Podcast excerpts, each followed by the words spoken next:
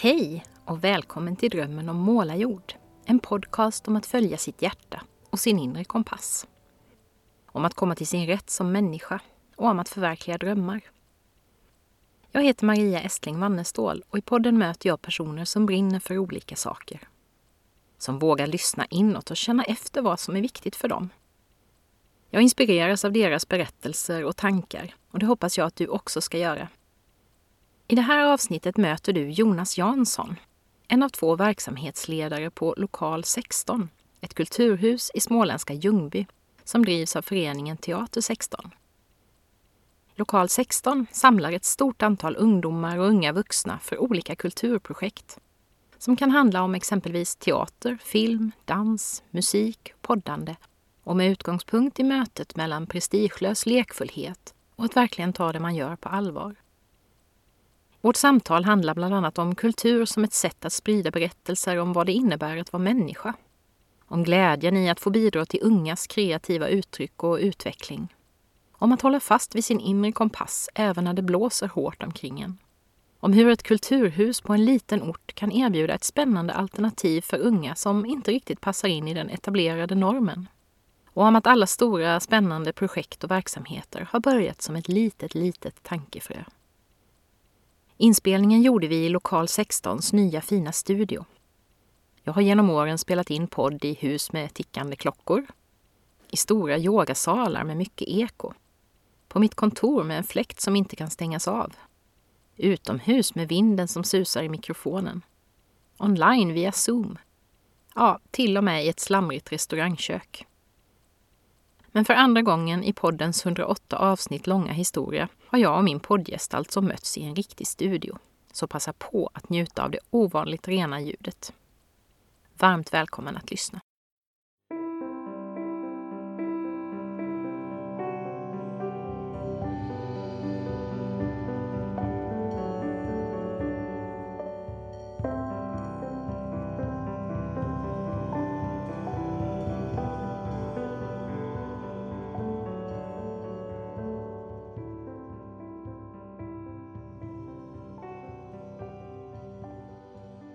Jag hittade ju dig via Meg då. Ja, just det. Eh, vår gemensamma bekant här på Sagomuseet. Hon är inte kvar här längre nu. Och då sa hon att ja men Jonas måste du prata med för han, han skulle vara en perfekt gäst i din podd. Och så sökte jag lite grann och hittade er teatergrupp och så kände jag ju det direkt att här, här är mm. precis, det är ju precis det här som den här podden handlar om. Det är ju att göra, göra saker med hjärtat. Mm. Eh, men jag känner ju inte dig liksom som person så mycket för jag har ju mest läst på om, om teatern och det här. Mm. Så jag tänkte börja med att höra lite om vad du, var är du i livet just nu? Ja, jag är ju förhoppningsvis mitt i livet då. Är man det när man är 53? Ja, det är man. Ja, det är nog det ungefär där, säga. Ja, eller lite kanske. Vet du att jag har haft Dagny eh, som är, hon var 103 när hon var med i podden tror jag. Vad häftigt. Ja, så henne kan vi ha som Ja, men då säger vi mitt i livet då. Ja. Nej, och sen så har jag jobbat här nu några år då, sen 2016. Och innan det så har jag varit om man nu ska prata om vad man har jobbat med så, så är jag egentligen lärare, mellanstadielärare först och specialpedagog. Varit i skolan mycket och sen var jag också här på Campus Ljungby som det heter nu, mm. eller SIL tidigare. Men man kan väl säga att kultur, teater kanske allra, allra, allra mest mm. har ju varit det där som har drivit mig i livet och varit liksom så självklart. Ja. Då glömmer jag bort att jag jobbar. Då, ja, då är det, ja, det, det är väldigt roligt. Men sen även musik och konst och så också. Kultur är, ja. det är du helt enkelt. Det är det. Och sen, men sen tror jag också, det har jag funderat ganska mycket på, för någonstans så det blir ju alltid möten med unga. För jag har ju egentligen aldrig mm. hållit på så här jag har alltid drömt om liksom att nu ska jag göra någonting själv. Så här. Mm. nu jag uttrycka mig eget. Men varje gång jag börjar med det så slutar det alltid med att jag jobbar med unga igen. Så lärarjobbet är nog också faktiskt väldigt nära ja. någonstans. Eller det här mötet liksom. Pedagogiken och och så. Det nära mötet med människor ja, helt enkelt. det tror jag. Ja. Men jag tänkte på, om man går tillbaks, eh, var det här någonting som fann, var det redan i barndomen du kände det här intresset för Ja, jag kommer ihåg det väldigt väl faktiskt mm. för att jag gick i, jag tror jag gick i eh, andra klassen och sånt där. Och så hade vi någon sån där liten sommarsoaré, du vet föräldrarna skulle mm. komma på kvällen och så. Och Och jag hade precis haft öroninflammation, för jag hade, var öronbarn. Ja. Så jag fick på nåd gå dit och vara med. Och vi hade nog inte repeterat tror jag inte, utan det var nog bara att vi skulle stå på scen och vara söta inför föräldrarna. Sådär.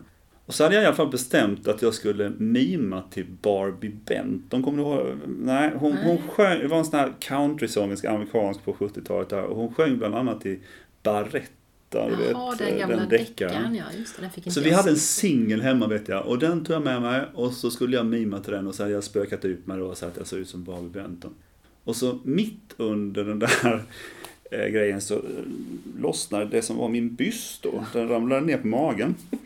Och då, istället för att bli helt förskräckt så vet jag att jag gjorde en grej att jag liksom tryckte upp byst och då började ju folk skratta. Och det, då, det var verkligen en sån här upplevelse att här står jag på scenen och, och folk skrattar och jag gjorde bara mer och mer och det var väl bara att jag var rolig som en 7-8-åring då liksom. Ja, just det. Men då vet jag, det var verkligen så här Wow, det här är ju kul, här Mm. måste jag utveckla.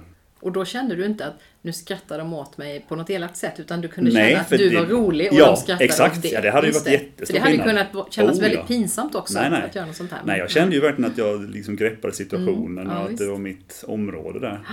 Eh, Sen har det fortsatt. Sen Ja. har jag varit med själv i massa olika grejer. Och du gick estetprogrammet Ja, också då på jag. gymnasiet. Och det var ett självklart val att du skulle... Nej, Går det då, det eller? var det inte. inte. Jag är uppvuxen här i Ljungby Mm. och bott här hela livet. Så nej, det var det inte kan jag säga. Utan jag hade sökt ekonomi vet jag och kom in där.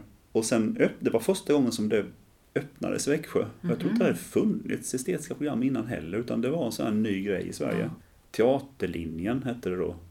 Eh, Så de hade intag från hela Sverige, så det var lite annorlunda. Man, man, eh, det var många i klassen som var äldre också. Jag kom direkt från högstadiet. Men... Och det vet jag, det var faktiskt min, en av mina äldre bröder som sa till mig någon gång så att Ja men det, du gillar väl sånt, det ska väl du söka? Mm. Och då var det så här att jag såg upp till honom väldigt mycket. Eh, Och han var inte teaterintresserad alls egentligen, utan det var bara att han såg väl mig där. Mm. Och då vet jag, det gick upp för mig att ja, det kan man ju göra. Man kan ju, man kan ju faktiskt söka det man gillar Ja, liksom. just det. Man måste inte ha den här Ja. karriären spikad framför sig. Och då vet jag att jag ansökte, det var sån här, man skulle åka dit och spela upp inför en jury. Ja, och så, det var till och med det så var när, Ja, det var Ja. det. Och, så jag, pratade, jag, jag var lite tuff där. Jag vet jag gick till mitt svensklärare på högstadiet och frågade om hon kunde titta på när jag spelade Ja. upp en monolog. Jättepinsamt var det. Eh, Men hon gjorde sitt bästa. Och sen så eh, åkte jag dit och var livrädd. Men det blev ju att Ja. jag gick där sen. Så- Hade du, du, behövde du liksom förklara för dina föräldrar? För det har jag ju hört en del Mm. Ja. av mitt barns kompisar där föräldrarna inte alls har varit inne på det här spåret och tyckt att man skulle göra något sånt. Nej, jag ska inte, nej, de har nog varit rätt förstående så. Ja. Eh, De var nog inte så, inte så väldigt konstnärligt liksom inriktade sådär. Det ska jag inte säga. Vi, vi diskuterade inte sådär jättemycket sånt hemma, men däremot var de väldigt tillåtande Mm. kreativt. Jag minns att vi, jag och min bror vi delade rum och så sa mina föräldrar att de skulle tapetsera om där. Och då sa vi, kan inte vi få måla på väggarna först då? Jo visst, tyckte de. Då fick vi göra det liksom. Ja, just det. Och sådana där grejer. Och Ja. vi byggde en massa prylar och det, så länge det inte låg grejer på golvet som pappa pratade trampade på i princip så Ja. fick vi bygga Så vad vi ville. ja, och vi fick gamla tv-apparater skruva sönder. Och, alltså, Mm. massa sånt där kreativt liksom. Precis. Nej, för det är ju intressant det här med hur man, de där valen man gör, tänker Ja. jag. Ibland så är det så självklart. Jag intervjuade till exempel Emilia Linderholm som är dotter Ja. till Lena och Gösta. Och I hennes värld var det ju självklart att man skulle göra en, alltså man ska jobba med kultur och kreativitet. Och för, den friheten var självklart. Medan det kanske är något som någon annan får kämpa enormt Ja. för att bli accepterad för. Ja. Och det var ju nästan så att hon fick kämpa lite för motsatsen. Jaha, ska du, ska du städa i kyrkan? Men det kan man väl inte? Alltså lite grann Nej. det här. Men, Det- men har man föräldrar som ändå har den där tillåtande attityden så behöver det ju inte spela någon stor roll egentligen vad de har gjort Nej. eller vad, ja, så. Precis. Utan att du får hitta din grej liksom. Jag råkar du säga detta för Mm. att jag har ju vuxna barn nu. De har sagt till mig någon gång så här att Ja, blir du väldigt besviken nu när vi inte väljer kreativa yrken? Ja, just det.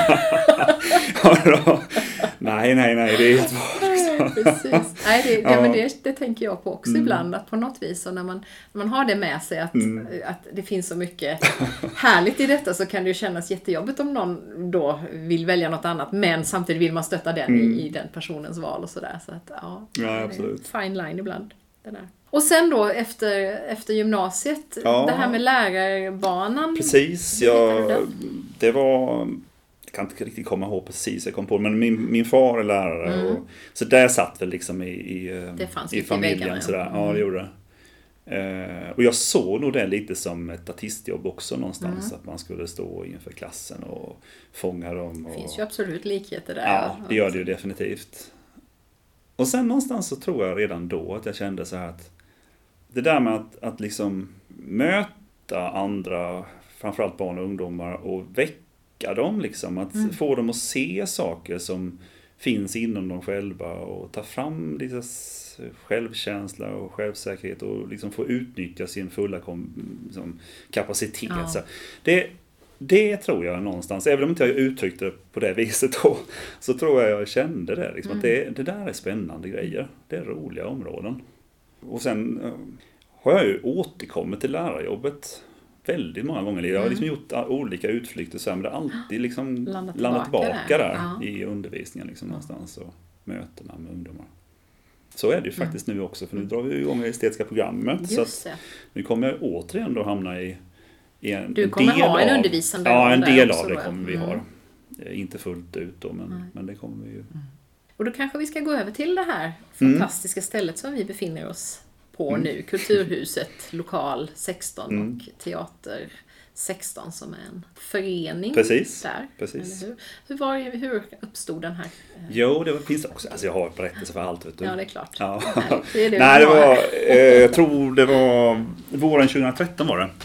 Så min dotter, eh, jag har tre barn och den mellersta flickan då. Hon och jag, vi var nere i Malmö och såg eh, en slutföreställning för scenskolan. Hon gick på gymnasiet då. Och sen så vi, åkte vi tåg och vi åkte tåget hem och på vägen hem så säger hon så här, ah, vad jättekul det här pappa men ehm, det är ju väldigt synd för det är ju inga från Ljungby som kan komma in på en sån här Nej. utbildning. Och jag blev lite upprörd så här, och nästan irriterad och sa det är klart att man kan, det är väl ingenting som hindrar det. Och så här, jo, ja, alltså, ja, ja, men, alltså, men det finns ju ingen träning med dem på. Alltså, ska man komma in här så måste man ju vara vältränad, Mm. precis som på allt annat. Och det verkligen drabbar mig, så för jag kände, ja, det är ju så fruktansvärt sant. Så Ja. är det ju verkligen. Ja.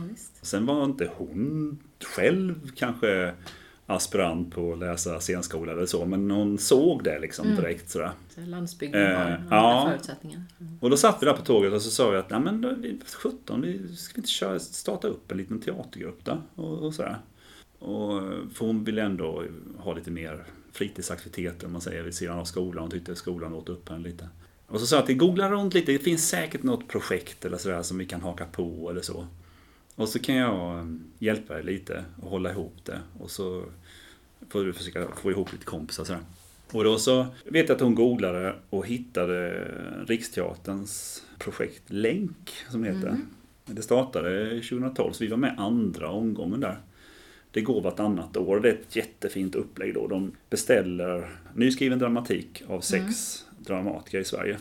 Och den, de, de här dramatikerna får ju uppgift att skriva en, en eh, föreställning som är ungefär en timme lång. Och så ska det vara relativt många roller som det ofta spelas Just i det, ungdomsmiljöer. Ganska jämna rollstorlekar. Och eh, vettig fördelning mellan killar och tjejer. och sen också att det ska vara angeläget och aktuellt också. Liksom. Och det där gör ju att man, man har då, om man, det kan man gå med som i förening eller kulturskola eller estetiskt program. Och då får man tillgång till det helt fritt de här. Så man behöver inte betala upphovsrätt och sånt. Och det var ju väldigt viktigt för oss där i början när vi inte hade någonting. Och sen, eh, jag blev så här eld och lågor direkt. Så jag var ute på skolorna till och med och pratade med elever och så här i klasser och så. Vi fick ihop en grupp med tio ungdomar då, som satte upp en pjäs där. Som vi hade premiär på våren 2014. Mm. Och det var jättebra gäng verkligen som vi fick ihop också. De var så entusiastiska, ambitiösa och Mm. liksom De hade verkligen förmåga på detta liksom. Så den där uppsättningen, ja, den blev, den blev jättebra. Jag gick fullt in i en roll som regissör Ja. egentligen utan att ha någon som helst utbildning på det liksom. Mm. Utan jag har bara varit på massor av teater hela mitt liv och tittat på sådär. Men det var verkligen så här, både för mig och jag tror för dem också, en fantastisk tid liksom. Jag fick så mycket energi av det. Ja. Och då, och då vet jag att vi, vi spelade den där pjäsen och, och vi hade ju inga resurser då så vi hade faktiskt allting som den här lilla gruppen använde i pjäsen fick plats i en liten plastback. ja. Jag tycker det är lite skönt att tänka på nu. Ja, just För det. det var så enkelt då. Ja. Liksom. Nu har vi ett helt hus här. Liksom. Det är så mycket med grejer och så här. Och då, då hade vi en plastback. Men det blev en, en så fin föreställning just utifrån den enkelheten. För vi koncentrerar oss just på själva det sceniska uttrycket. Och de fick verkligen jobba med sina kroppar, att gestalta skeenden och händelser i olika rum och sådär genom att använda sig själva. Och, och, och det slogs så fint där faktiskt. Det blev verkligen eh, lite succé. Alltså de, de fick uppleva framgång också. Det blev så positivt så. Vilken start! Ja, det var det. Det var en riktig kickstart sen. Och det blev till och med så, så att eh, Riksteatern, de skulle... Eh, Bibu, som är en sån här... Eh, jag tror det återkommer, om det är varje år eller varannat år vet jag inte. Men det är i alla fall en, en eh, biennal för professionell teater. Och Bibu är just inriktat på barn och ungdomsteater. Eh, de skulle vara med där och presentera det här projektet. Och då fick vi följa med dem och spela en liten bit ur vår uppsättning. För den var så lätt att flytta. Det fanns liksom inga, ja, det var inga grejer och Nej. sådär. På en plastback. Ja, så, och då blev det lite succé där också. Plus att vi som tack för det så fick vi vara med under de dagarna och titta på massor av teater. Wow. Så det var ju jättehäftigt. Och sen ledde det i sin tur att året efter så gjorde vi en annan uppsättning och den fick vi också tillsammans med Riksteatern åka till Sarajevo med och vara med på en sån här internationell festival där vi till och med representerar Sverige. Vi var så stolta så vi, Ja, vi höll på att spricka liksom. Ja, ja, Ja, det var verkligen så här otroligt stolt. Och utifrån de två åren och upplevelserna där, som, då var det ju liksom 10-15 ungdomar som jobbade tillsammans, det var inte mer. Eh, och vi hade verkligen ingenting, vi lånade lokaler av Sundbyggymnasiet i Mm. Ljungby här. Och utifrån det så, och alla de samtal och diskussioner som var på kvällarna och runt omkring det här så föddes idén om att vi skulle skaffa ett, en egen lokal och att vi skulle bredda verksamheten. För vi hade börjat samarbeta med musiker och någon som gjorde scenografi och någon Mm. annan som fotade och det var lite någon filmare och sådär i samma ålder. Och då hade vi tanken att om vi samlar ihop alla de som Mm. är i den åldern där, från gymnasiet och äldre, i ett och samma hus. Och så, då blir det en sån där mötesplats där, där de kan träffa varandra, stötta Mm. varandra, se varandras eh, verk och vad de skapar och sådär. För de uttryckte ju samma sak allihopa Ja. egentligen. Och det var att det är inte så lätt att växa upp i den här lilla orten liksom med de här intressena. För man är ofta Nej. ganska ensam i sin klass eller så. Mm. Och då såg vi att kan man då samla dem, alla de här, så kan de bli en lite större grupp som Mm. bekräftar varandra och stöttar varandra och sådär. Så då vet jag att Otroligt. 2016 så hyrde vi då den första lokalen här uppe. Mm. Och jag vet att vi hade råd med två månadshyra. Mm. Och så skrev vi på kontrakt på tre år. Oh, det var modigt. Ja, det var, oh, det var, det var det mest nervösa jag Ja. gjort tror jag. Men sen då så- tänkte ni att ni skulle kunna få finansiering? Ja, liksom det hoppas vi ju på. Jag hjälpte dem jättemycket och, och så här sökte Börjat olika. söka ja, och sånt. Ja. Mm. och sen har vi ju haft massor med olika småstöd sådär. Mm. Regionen har gått in med något. Vi fick något pris därifrån och Sparbanken, stiftelsen var inne tidigt Mm. vet jag. Kommunen såklart med lite arrangörsstöd och sådär. Ja. Någonting som hade med, vi hade rätt mycket eh, ungdomar som kom då i flyktingvågen där. Mm. eh, Som var med här uppe i början. Ja, det är rätt många fortfarande, men det var ännu mer då precis i början. Så då fick vi någon sån här integrationsstöd vet jag. Mm. Och sen slutligen så, så fick vi då, eller vi sökte ett större projekt genom Allmänna arvsfonden Mm. som hette Vår scen. Där vi egentligen tog ett helhetsgrepp och tillsammans allihopa ungdomarna och, och liksom utformade lokalerna och fyllde med aktiviteter som det Ja. står där då.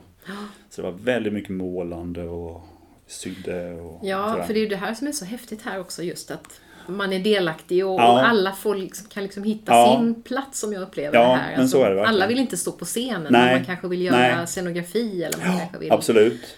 klippa Nej, och det har ju gått från, alltså te- teatern är ju liksom hjärtat kanske fortfarande så här, för att det är mycket, mycket teater här. Men eh, tittar man idag så är vi är nästan 150 medlemmar. Och då kan man väl säga att kanske en tredjedel av dem håller på med teater. Och sen resten är ju poddare och filmare och dansare och musiker och bara i stöttare och arrangörer och alltså Ja, det är visst. massor. Så att det just det här att allt får plats, det, är ju, det tycker Ja. jag när man, jag var inne och tittade på er webbplats också, att man blir, man blir så glad när man läser den för att det är en sån, ja men det är en sån varm och öppen och välkomnande atmosfär. Ja, roligt som, säger. Ja men det slår Det- igenom väldigt Mm. väl tycker jag på. Det, det ser ju olika ut på olika, du vet man, vad man möts av när man går in på en Ja. webbplats. Men här känner man ju verkligen att ja, men man kliver rakt in i det här Ja. på något sätt. Men det var också, Jättefint. också väldigt roligt för de här tio ungdomarna där som var med från början, 2013, 14 där. De bildade ju också föreningen på våren. Mm. Och det var, alltså, jag minns det för det var ett väldigt kort möte. Alltså, jag tror att det var, vi vi drog av det där mötet på en halvtimme. För det var ju bara liksom att vi skulle liksom bilda förening och skaffa ett organisationsnummer och sådär. Och ja, en bankkonto och lite sådana grejer. Men sen så, precis när vi satt där och liksom bara drog igenom alla de där snabba eh, ja, administrativa uppgifterna.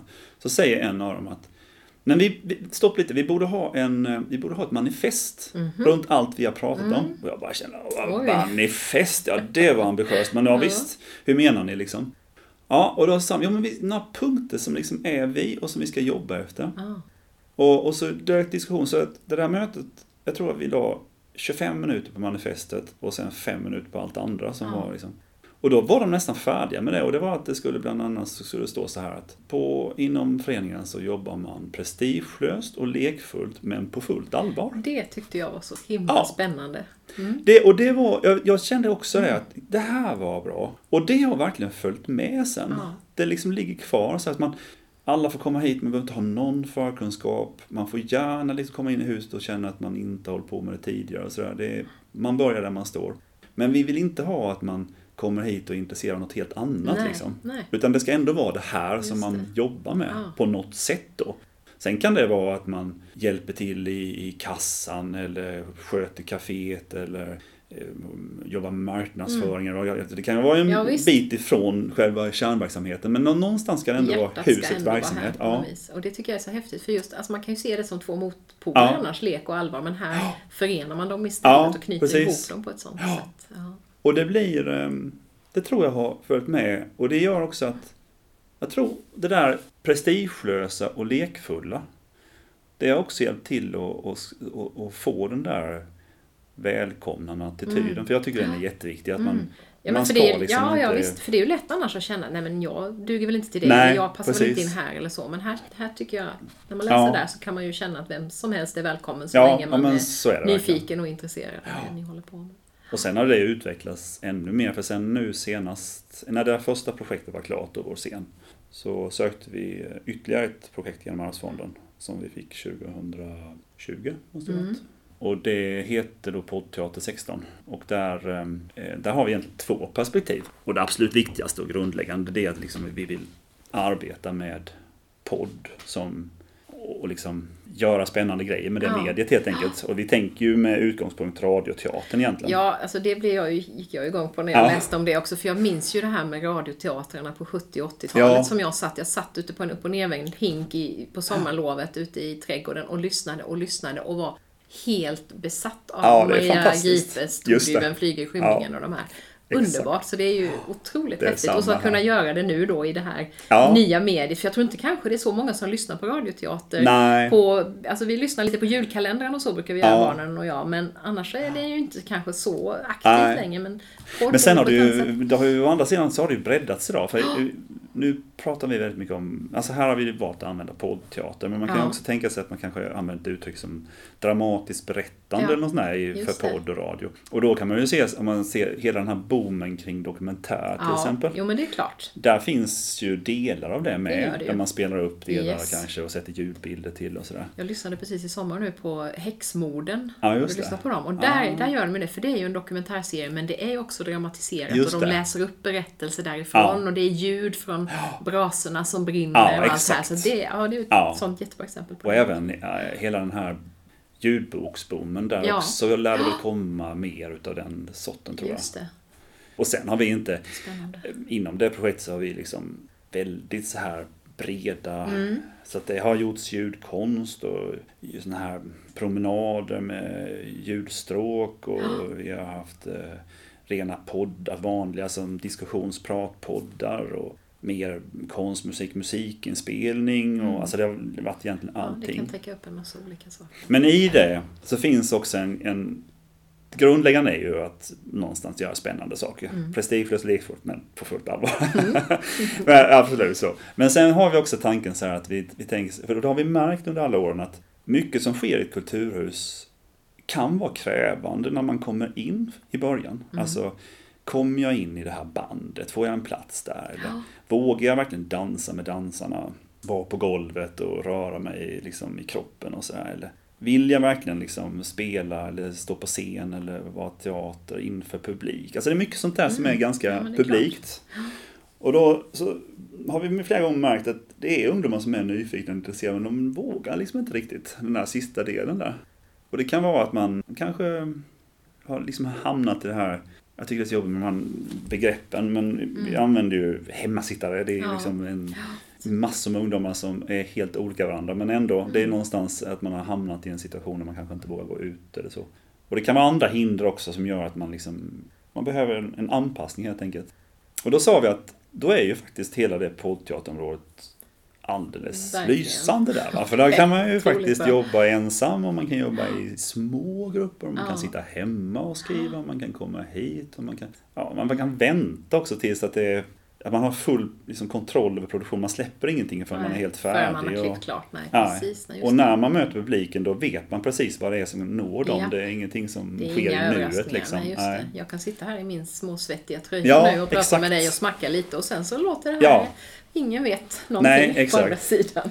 Så det har också blivit ett Ja, bra är sätt att... eh, Och där har vi faktiskt också samverkan med regionen och kommunen och så här för att nå de ungdomar som... Mm. Precis, ja men det blir ju inkluderande på ett väldigt fint Mm. Ja, sätt. det är Men för jag var lite nyfiken just på vilka det är som, som hittar till er. Men bedri- bedriver ni liksom aktiv Ja, uppsökarverksamhet det gör vi också. Det är båda delar. Ehm, Men nu är ni också så etablerade så nu vet Ja. de flesta i Ljungby. Ja, det mesta är nog faktiskt så att de, får, de, de hör genom kompisar, föräldrar eller någon annan som vet om det och så söker de sig hit. Mm. Men eh, vi gör uppmärksamhet, alltså vi är ganska mycket ute på skolor och skolor Mm. kommer hit på olika evenemang och sådär. Och sen så har vi då samverkan med andra föreningar men framförallt region, kommun. Mm. Och att de kan lotsa ungdomar som de tror skulle Ja. liksom passa. Men det mesta är ju, det är nog vanligast, jag skulle säga, och 80% dras nog hit av sitt eget engagemang och vilja att uttrycka någonting med konst och kultur helt enkelt. Mm. Så det finns ett intresse som, Ja, som det gör det. här. Men eh, det kan vara andra vägar också. Mm. Men sen så tar vi nog nästan, i princip alltid, alltid så möter vi alla på samma sätt och det är att vi har ett möte först. Mm. Om inte de liksom säger att de hellre vill göra på ett annat sätt, det får de ju göra. Men vanligast är att vi träffar dem. Mm. Så man får den här personliga kontakten direkt och då kan man lätt precis. känna av varandra och sådär. Ja. Och sen är det också, det är ju hus där vi litar väldigt mycket på de som är här. Mm. Eh, De får ett stort utrymme och det är också viktigt att man sätter det från början liksom. De förstår att det här är stället som dina kompisar har byggt upp och nu får du vara med och bygga upp också. Mm. Ja, ja visst. Eh, det är klart, för det är stora värden här. Ja, Här visst finns det det. utrustning.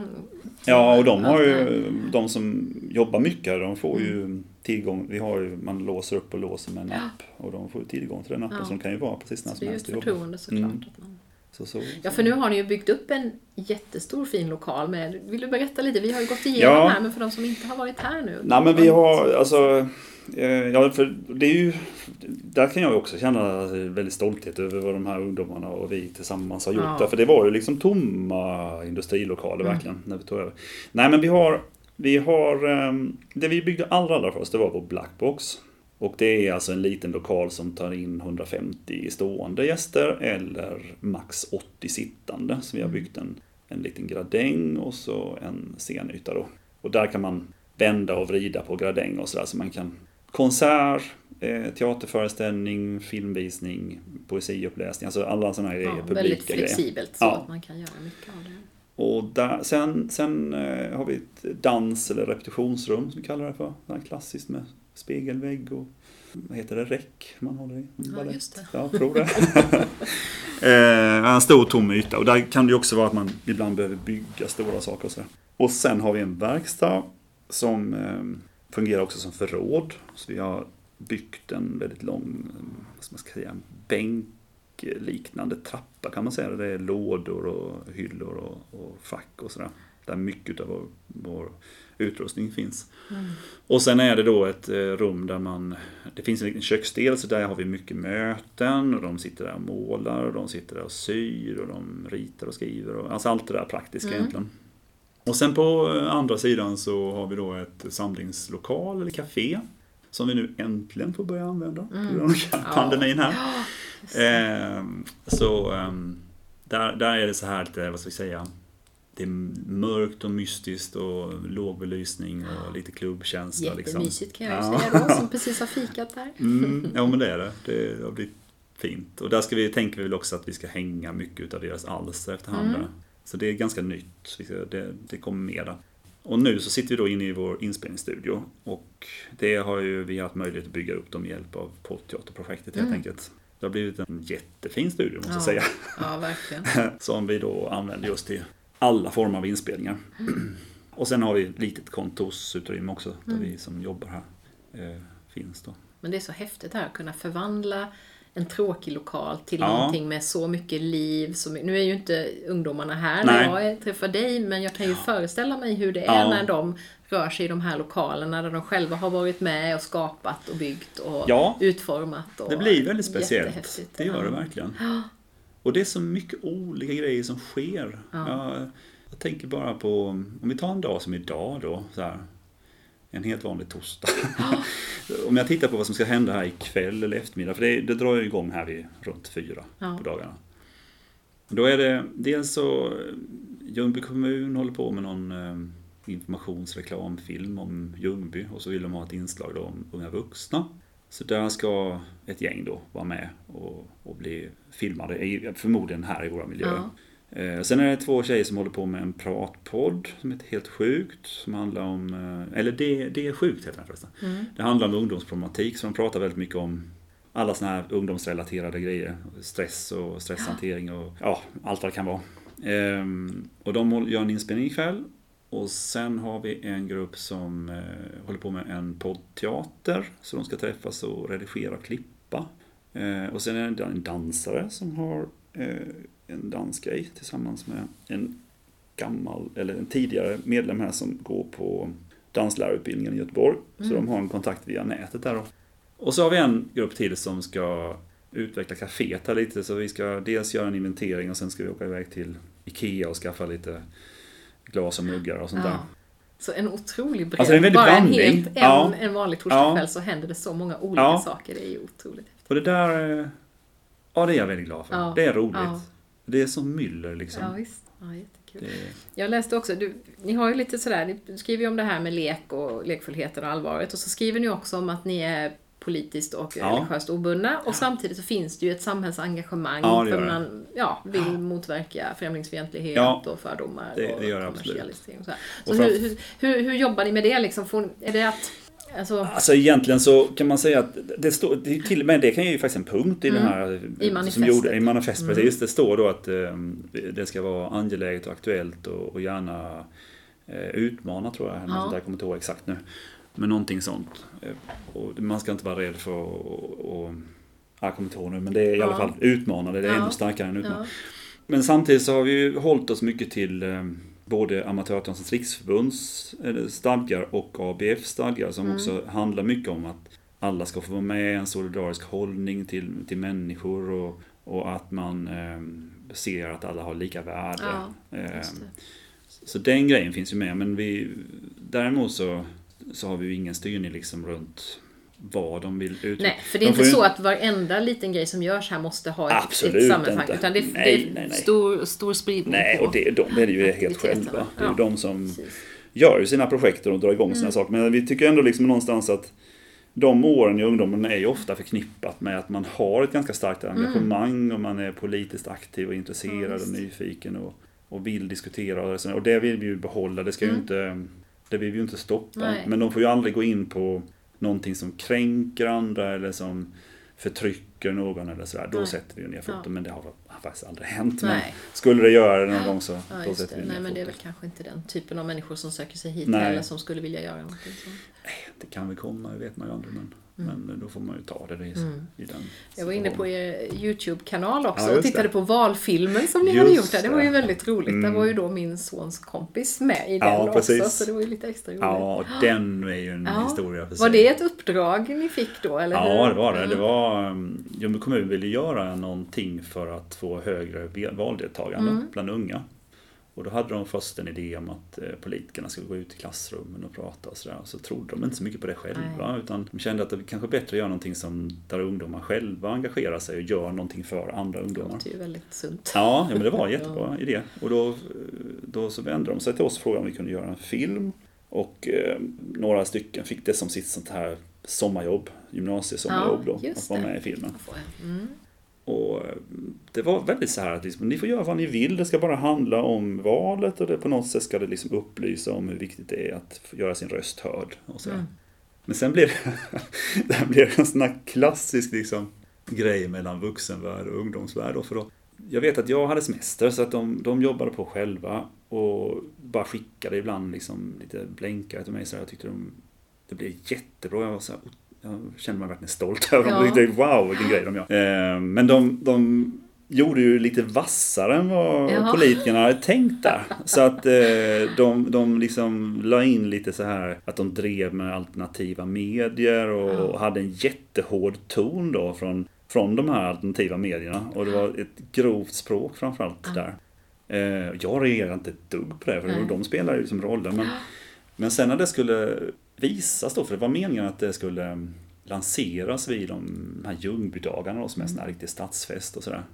Och det skulle vara eh, tal och tacktal och grejer från politiker och sådär.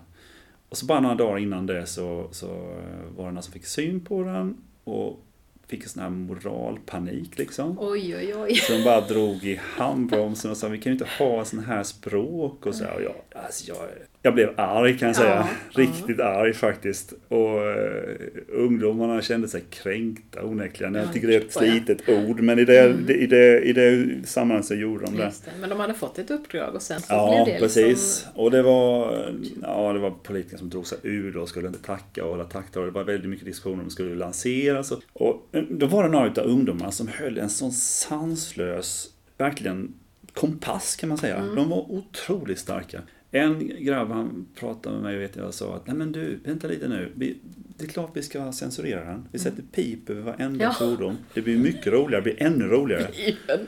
Ja, jag säger gör det för tusan. Så han satte piper va? och då Ja. när de fick höra det så kände de ju själva då att nej men det här går ju inte, det blir ju ännu, då har ju vi censurerat Ja. någonting, det funkar ju inte.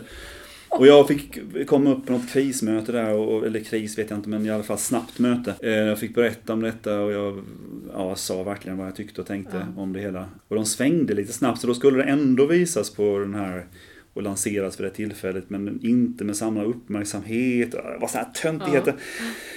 Och då var det ett parti, vi behöver inte prata om vilket det är nu, men det är ganska lätt att kanske ana, som, som fick väldig moralpanik och såg väl sitt läge att nu skulle de minsann visa att de var moralens väktare här. Så att Mm.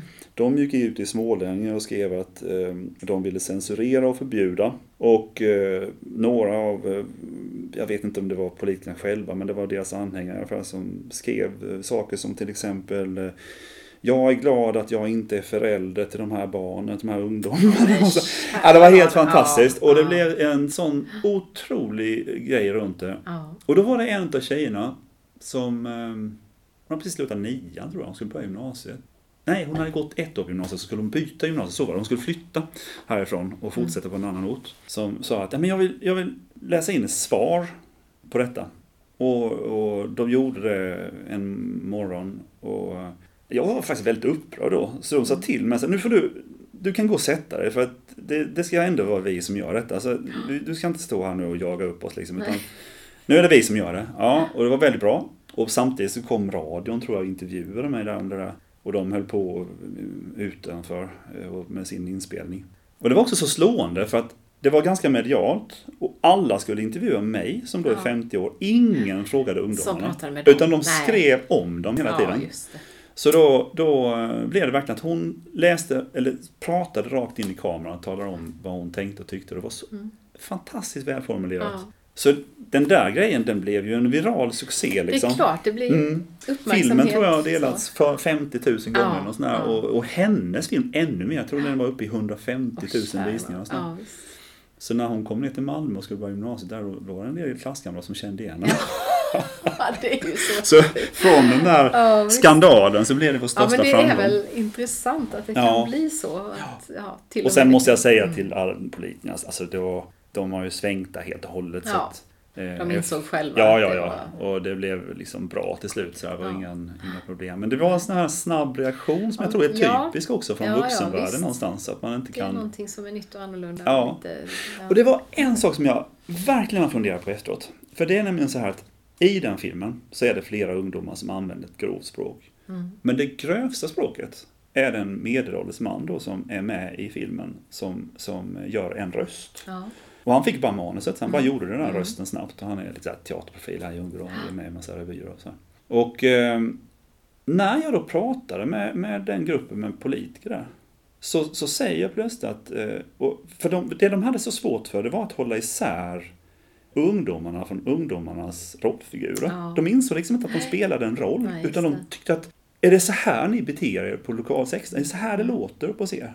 Bara, Nej, det är klart att det inte är. Nej. Det är ju en film. ja, visst. De spelar ju en roll. Det är precis på samma sätt som ni tittar på en film på TV. Det är ju inte, Det är ju, inte det är ju precis- rollkaraktärer. Det är ju inte skådespelarna som spelar upp sitt eget liv. precis. Och de, de kunde inte ta in det. Det var helt omöjligt. För de, nej, det är det språket de har. Det är fruktansvärt var det bara som sa hela tiden. Ända tills jag talar om då. Men det är, ni vet att det är Magnus va, som gör den här, eh, den rösten som är allra tyngst. Mm.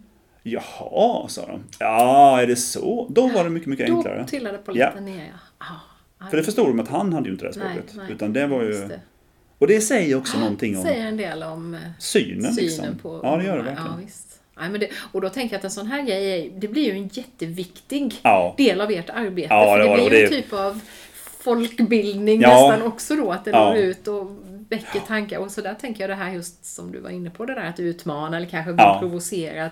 Det, här, det är ju en sorts upplysande, utbildande Ja. roll som ni får här Ja. utifrån ungdomarnas engagemang Ja, men det att spela teater faktiskt. och sådär. Så det är ju, då får ju den här, alltså hela föreningen och det, dess Mm. arbete blir ju inte bara en, ja, en härlig plats att vara på för ungdomarna och låta Nej. dem uttrycka sig, att det, utan det får ju också ringa på Det blir, ja. vattnet. Och sen också, jag tänker rätt mycket, alltså just då tror jag jag mest var upprörd och irriterad och sådär. Men, men sen när jag tänkte på det efteråt, att det var för de ungdomar som var inne i den processen där, Mm. när det blåste som värst. Jag tror att de lärde sig också mycket. För att de, Ja. någonstans fick de, vi pratade om det vi så här, vi står fast, ni har gjort en jättebra film, Mm. ni ska vara stolta över den. Viker inte en tum. Nej. Inte en tum. Det är liksom, eh, det finns, ska inte be om ursäkt någonstans. Ni ska bara vara stolta, gå på som tusan nu istället och tala Mm. Om att ni faktiskt är illa behandlade. Mm. Och det, det tror jag de växte väldigt mycket Mm. av. Att liksom bestämma sig för det. För ibland kan man ju känna så att Ja, ja, här var kanske inte så bra. Nej, liksom. Och det Men kan man detta- behöva. Man absolut, kan ju behöva va? fundera över det också. Men det, Ja. jag tänker att det stärker ju det här som det, hela den här Ja. podden handlar om, den där inre kompassen. Liksom, Ja. att, att våga stå kvar när det blåser också. För det, det har vi pratat om i många avsnitt här, just det här att ja. men när man bestämmer sig för att gå sin egen väg, att inte bara följa normer och göra som Nej. alla andra. Hoppa av Precis. den här karriären som jag gjorde. Det är klart att jag har blivit ifrågasatt. Ja. Och många av dem jag har intervjuat har blivit ifrågasatta satta av arbetsgivare, av vänner, av familj.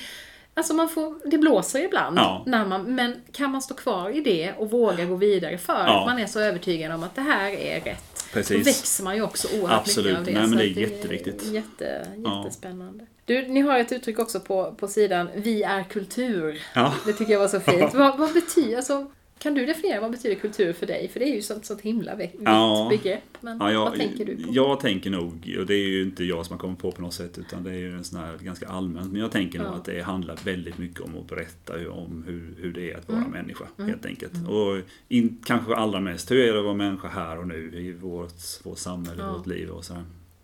Det, det är nog det som jag... Och sen gör man det på massa olika sätt liksom, och uttryck. Precis. Men någonstans är det berättelsen som... Berättelsen är grund. Ja. Ja, ja. det är ett fint sätt att uttrycka det. det. Ja. Det skriver jag under på. ja. Men du, din, din drivkraft och motivation, du har ju kommit in på den lite grann här. Men Mm. vad, är det, vad, liksom, vad är det som driver dig? För jag förstår ju att det är ju också, det är ju, Ja. du jobbar ju hårt. Jo, det, det gör jag verkligen. Och ibland så, det funderar jag ju på ibland. Så här, Mm. hur länge ska jag liksom... Ja. Jag måste kanske skydda mig lite så att jag inte drar på för mycket. Men, nej men, det är... Alltså jag tror det, det är nog lite olika delar. Ser jag personligen så tror jag att jag behövde en förändring helt enkelt Mm. i mitt liv när jag var där eh, strax före 50. Ja.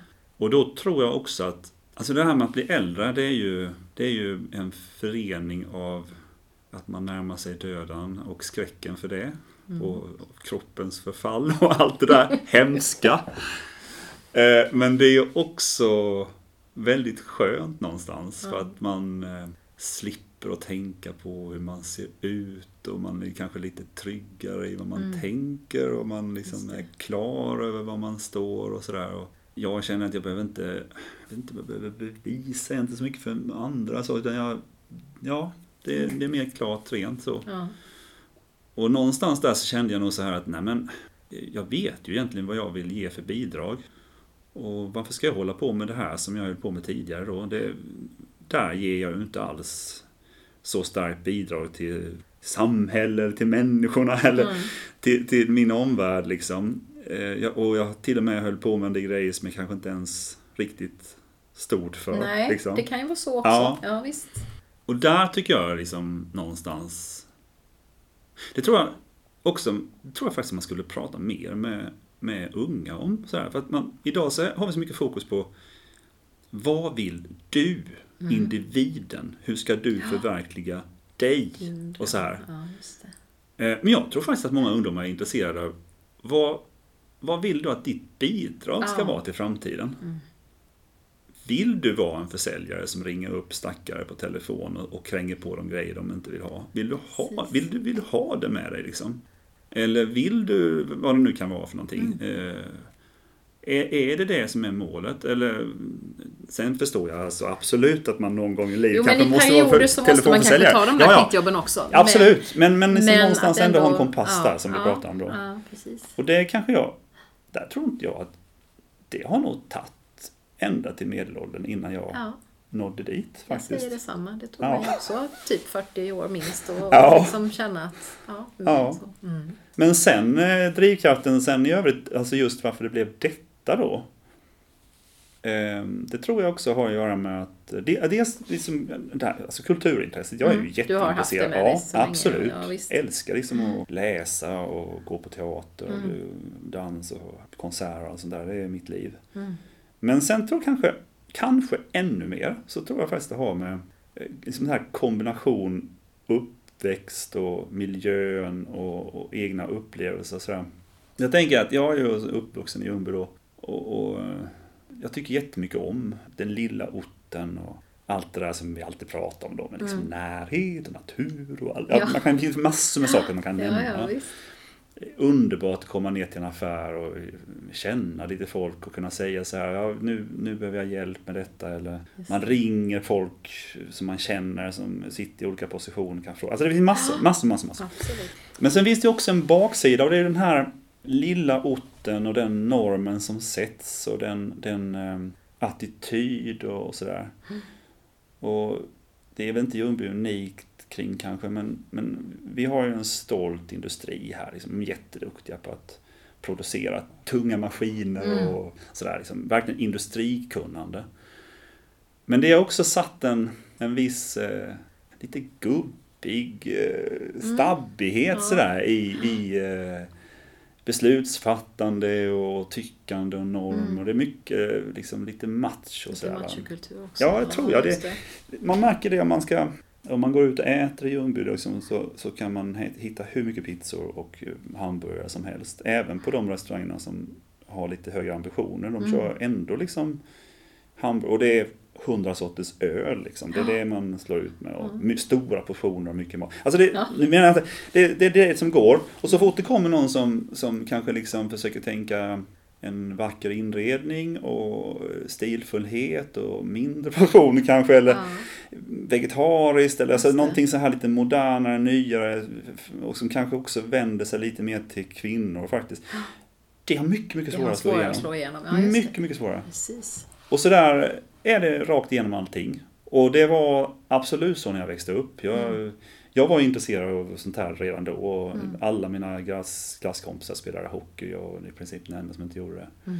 Och det kan man kan jag ju berätta om så här att det, ja, jag överlevde ju det. Det var inte något konstigt så här, men men faktum är att det, det, det gjorde ont emellanåt Ja. faktiskt. Att det var inte så här eh, självklart. För att man hade ingen riktig status som Nej. kille då liksom. Och man fick mer kanske använda sin clownsida eller sin eh, Ja men jag är lite knäpp och konstig och spännande sida. Alltså det finns Mm. massa sådana grejer som man kan ta till för att skydda Ja, sig bakom. Just Liksom. precis. Men inte riktigt få vara Nej, sig själv. Och det var många som tyckte det var häftigt då när jag kom in på estetiska programmet som nästan ingen visste vad det var. Då, Mm. eller sådär. Men samtidigt så var det ju ett utanförskap. Och det där, det finns idag också Mm. i nästan lika stor utsträckning ska jag säga. För det märker jag verkligen när jag pratar med mina egna barn och de som är här då att om man går på högstadiet och så är man intresserad av att läsa eller se på filmer som inte de andra tittar på eller man kanske funderar mer på samhällsfrågor än vad de andra gör eller man eh, Ja, man har någon specialintresse inom Mm. någonting så. Det är liksom inte accepterat riktigt för det är så, så stöpt efter samma norm. Ja. Det är mycket samma frisyr på alla tjejerna Mm. och de kan vara hur, hur liksom individualistiska som helst egentligen och starka och bra på men de är ändå på något sätt Ja, stöpta i samma av- mönster av liksom. den. Ja, Ja. Så då behövs det här som Ja. lite motkraft till Precis, det och och blir det, en exakt för dig också. Där känner jag nog att Ja. det är faktiskt, att det är så viktigt med en Mm. mötesplats Mm.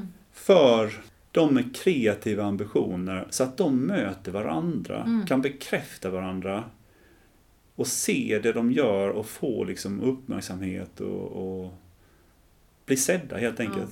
Sen är det alltid farligt när man pratar så här också för det får inte heller vara så att man säger att Nej men ni som känner er udda ska gå hit. Alltså det är ju inte, Nej. det, det är ju inte, för det får jag ofta höra. Ja, Då säger folk det. till mig så här, oh Ja. vad bra att ni gör det för de som inte gillar idrott. Alltså Mm. underförstått då, Ja. genom att inte idrott så kan man Så. få ett alternativ som inte är lika mycket värt. Nej, Och, som, och herregud alltså, då kan man ju fråga sig, hur många kommer livnära sig på idrott i vuxen ålder? Ja. Gentemot hur många som kommer livnära sig på någonting, Någonting inom är- hela Ja, kulturspektrat. ja, ja, och överhuvudtaget kreativitet tänker jag Ja. krävs ju i så många så att även om inte man kommer att syssla med just den typen Ja. av kreativitet som det kulturella Nej, området så kan det ju ändå, man kan ju föda så mycket som man Ja. kan ha nytta av i precis vilket yrke eller Absolut. sammanhang som helst. Och sen är det ju en väldigt stor sektor. Alltså, vi, kan ju gå till, ja, det behöver inte vara de här klassiska grejerna att man är författare eller skådespelare. Bara att man jobbar med någonting som har med bilder att göra. Ja, ja, eller att visst. man har någonting som har med att göra med, med visuellt intryck. Ja, eller Och här. det blir ju fler och fler av den typen av jobb Ja. också i takt med att man liksom automatiserar industrin och så, så blir det ju också att, att fler jobbar mycket mer kreativt Ja. än man gjorde förut. Så att det är klart att det behövs ju. Det. Ja, och sen, sen tänker jag också att en liten ort, man har sådana här mål och sånt politiskt då. Vi ska Mm. växa och ja, vi ska skapa tillsammans. Det finns alla de här snygga liksom, uttrycken och så. Ja, visst. Då tänkte jag liksom, ja, men vad är det som krävs då, då? Om vi ska ha en framtid här. Som ska vara förändlig och möta framtiden på bästa sätt. Och så. Mm. Ja, det är kreativt tänkande Ja. såklart. Absolut. Det går ju inte bara fort. Alltså, och då är ju de här individerna kanske de som är allra viktigast. Som, ja visst, och som blir väldigt väl rustade. Mm. Och jag tänker också för det egna privata välmåendet. Ja. Att så, jag menar, är du kreativ så blir du också lite mer flexibel Ja, i samhällsförändring, i förändringar som sker i ditt eget liv. Du Ja. kan lättare ja, hitta vägar liksom, för att du har fått tänka lite på andra sätt och Ja, verkligen. använda den delen av Precis. din hjärna lite mer än bara den logiska. ja verkligen. Ja, Men sen, det, sen finns det ett perspektiv till faktiskt. Nu, nu tjatar jag om allt möjligt här som driver. Men det är också det här med, om man bor i en, en liten kommun som, som den här, eh, och man tycker så mycket om den som jag gör, och, och så här, man, man älskar den liksom någonstans också. Och jag skulle gärna se att ungdomar ser det verkligen som ett fullvärdigt alternativ att Mm. bo på en liten Ja, ort någonstans.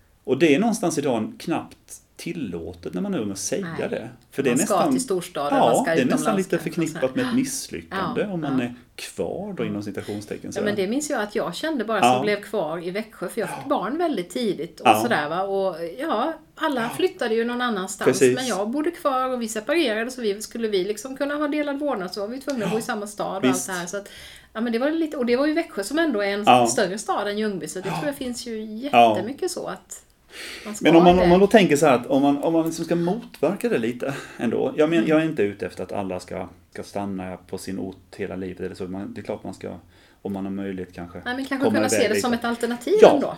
Möjligt. Och man, man ska ha positiva minnen i alla Ja, fall. Och man ska också, tänka att det, det går att bli sedd. Det går Ja. att nå ut med sin röst. Det går att göra spännande grejer. Eh, och man kanske antingen stannar eller vill komma tillbaka eller sådär. Och då tror jag också att en sån här mötesplats är helt avgörande. Mm. För att de som är med i en sån här situation, som skapar en film eller gör en, dansföreställning eller arrangera någon artist som kommer hit eller vad det kan vara för någonting. Mm. Med på någon konstutställning eller vad det kan vara för något. Alla de gör ju någonting som de minns och som de är stolta över och som de kan tänka tillbaka Ja. på. Att när jag var där i den miljön så, så, så berättade jag det här. Ja. Och det tror jag är jätteviktigt. Ja. Istället för att man bara hamnar i det här att man, man sitter och längtar efter en dag när man ska liksom Ja, ge sig iväg eller så här. Precis, och att, att barn och tonår, alltså det bara blir någonting som man ska bort från och som man sen liksom helst inte vill komma ihåg. Nej, så kan jag precis. känna att en stor del av högstadietiden Ja. var en sån som jag bara helst skulle vilja stryka ett tjockt Ja. fett streck över. Sen blev det bättre på gymnasiet. Men, Ja, eh, Att kunna ha det här att, att Ja. liksom ändå tänka tillbaka på och, och eh, ja, veta att man har gjort. Oavsett om man går vidare och gör någonting av det rent yrkesmässigt eller om man gör någonting helt annat så har man ju byggt ja en, en väldigt viktig och fin grund där. Ja, Ja, det är ja så härligt. det är spännande. Men du, du var ju Mm. inne på det. Jag tänkte sista frågan här nu. Eh, Hur håll, blir du hållbar i detta nu då? För jag vet ju hur många människor som brinner jättemycket. Och vi hade till och med ett, ett sånt litet podcastavsnitt här. Hur brinner, hur brinner man utan att brinna ut? Ja. Har du hittat sätt att liksom ta hand om dig själv och, och Ehm. göra någonting som... Kan du koppla av eller är du här? Alltså, det ger ju så mycket, jag förstår ju det. ja. Alltså, det ger ju så mycket energi att Jag har väl lite svårt att koppla av Ja. där. Alltså det snurrar det säger väl min familj. Så Ja. Är du på lokal 16 nu? Där, Ja. Ställer frågor till mig och så. Men ehm, jo, men jag har nog ändå, hoppas jag i alla fall, verktyg för det som, Mm. som gör att det håller. Dels så, så tänker jag så här att varje morgon faktiskt försöker jag tänka så här nu då, att även om jag är stressad att nu ska den ansökan in och nu ska det och så ska det och så ska det och så är det allt det där jag ska hinna. Och, det, många bollar, och sådär, ja. så försöker jag ändå tänka så här, ja men vilka delar av detta tycker jag är roligt Ja. nu då? Och så, här, så att man ändå landar i Ja. att, ja men det här är ju mitt Det är liv. där liksom. varför Ja. frågan, varför gör jag detta egentligen? Ja. Just det. Och att man nästan hittar den känslan på morgonen liksom, någonstans. Att nej, men det är inte... Den största känslan här är inte stress eller Nej. jäkt eller något annat. Utan det är ju faktiskt tillfredsställelse över vad det blir av Vad ni det. kan göra och, här, ja. just det. Och då blir det ansökan, ja det måste göras men Ja. det finns ett större Ja. syfte med det och då Precis. blir det också lättare att motivera sig till det som är Ja. lite tråkigare i det. Nej, och sen i övrigt så ändå, det är svårare kan jag tycka, men samtidigt så är det viktigt att man någonstans när man är ledig sen, att man verkligen försöker att stänga av då Mm. och liksom ägna sig åt det där andra. Ja. Även om det bara är att jag faktiskt lägger mig i soffan och sover en stund, Ja. så då ägnar jag mig åt det. Ja, ja men visst. Att Ja. bryta av emellanåt och ta Ja. de där pauserna. Ja. Jag tycker du gör ett alldeles fantastiskt jobb här. Jag är så otroligt glad över att ni finns. Ja, det är roligt att höra. Ja, Det blir ju- fruktansvärt roligt. Och jag hoppas att det kanske kan inspirera fler. Att, för just det här att man kan också starta väldigt litet. För det Ja. tänker jag ibland när man, när man träffar sådana människor som du och som gör sådana här stora fantastiska saker. Så allting har ju börjat med ett litet, litet, litet frö. En liten tanke, en liten idé som Mm. har växt. Och det kan ju, vi kan ju alla göra Ja. de där, starta de där, så de där små fröna och skapa någonting som Ja, det, det inte måste växa till något Nej, jättestort. och det är intressant vad du säger, för så, så tycker jag nästan när man ska berätta om detta och inspirera andra. Vi får ju ofta vara ute och prata om ungt engagemang, hur Ja. man skapar det. Ja. Och då är det nästan ett problem när man visar upp att nu har vi en jättestor fungerande Mm. Verksamhet här. För det fattar ju alla att det orkar de inte Mm. när de sitter som lärare på kulturskolan eller något sånt där. Visst. Att bygga upp något sånt. Men det är inte det det handlar om. Nej. Utan det är faktiskt någonting annat som kan vara mycket, mycket mindre. Ja. Liksom. Just det. Eh, Det är det verkligen. Så tusen, tusen tack för att Ja. jag fick komma hit till Ljungby och till er fina lokal och Ja. träffa dig och din kollega Åsa som Ja. hon kanske kommer med i ett annat Ja, poddavsnitt det tycker jag. framöver. Det Ja. är, hon har också Ja. superspännande berättelse. Fint. Tack Mm. så mycket. Tack.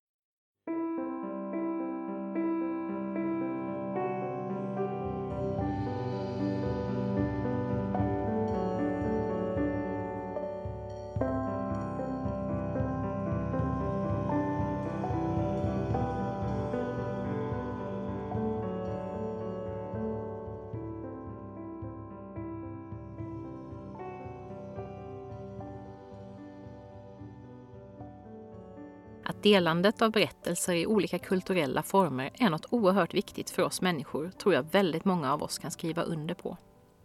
Det har blivit så tydligt under pandemin. Hur såväl kulturskapare som kulturkonsumenter har saknat att få mötas och berätta eller ta del av berättelser. De senaste månaderna har jag njutit kolossalt av att få gå på konsert igen. Och den senaste veckan har jag äntligen fått möta en livepublik när jag föreläst om mina böcker vid två tillfällen. Och även om digitala format har bidragit till att kulturtorkan inte har varit total, jag har exempelvis varit på några fina onlinekonserter, så är det förstås en annan sak att få mötas öga mot öga. Kulturen har alltid haft en stor plats i mitt liv. Som barn slukade jag böcker och vi sjöng väldigt mycket i min familj. Lärde oss exempelvis Evert Taubes 18 verser långa Möte i monsunen i bilen på väg till släkten i Göteborg. Min man och jag möttes på kursen i litteraturvetenskap och vår första dejt var faktiskt på en filt med två gitarrer och några pärmar fulla med låttexter. Jag gläds också enormt åt att kulturintresset gått i arv till alla fyra barnen. Äldsta dottern har spelat i band och skriver rakt in i människohjärtat. Äldste sonen gick estetiska programmet på gymnasiet och jag håller tummarna för att han ska hitta in i Teater 16 eftersom han är ganska nybliven Ljungbybo. Yngsta dottern har just börjat gymnasiet med musiktillägg. Och till och med minstingen, vars liv främst kretsar kring fotboll, ritar, sjunger och har skrivit berättelser och egna låtar sedan han knäckte läs och skrivkoden. Jag blev väldigt inspirerad av samtalet med Jonas och jag hoppas att du som lyssnar också blev det. Kanske har du också ett litet idéfrö som du inte har planterat än och som du skulle vilja stoppa i jorden och se vad som blir av det. Jag hoppas verkligen att du har med dig den tanken när du lyssnar på andra avsnitt av Drömmen om målarjord också. Att alla dessa inspirerande människor jag möter har börjat sin bana med just ett sånt där litet frö. Berätta gärna vad avsnittet väcker för tankar hos dig, på webben eller Facebook. Och snart kommer det ett nytt avsnitt, för häromdagen träffade jag min fina lilla poddklan för att prata om att ta lagom mycket ansvar i såväl det lilla som det stora. Tack för att du har lyssnat idag och välkommen tillbaka.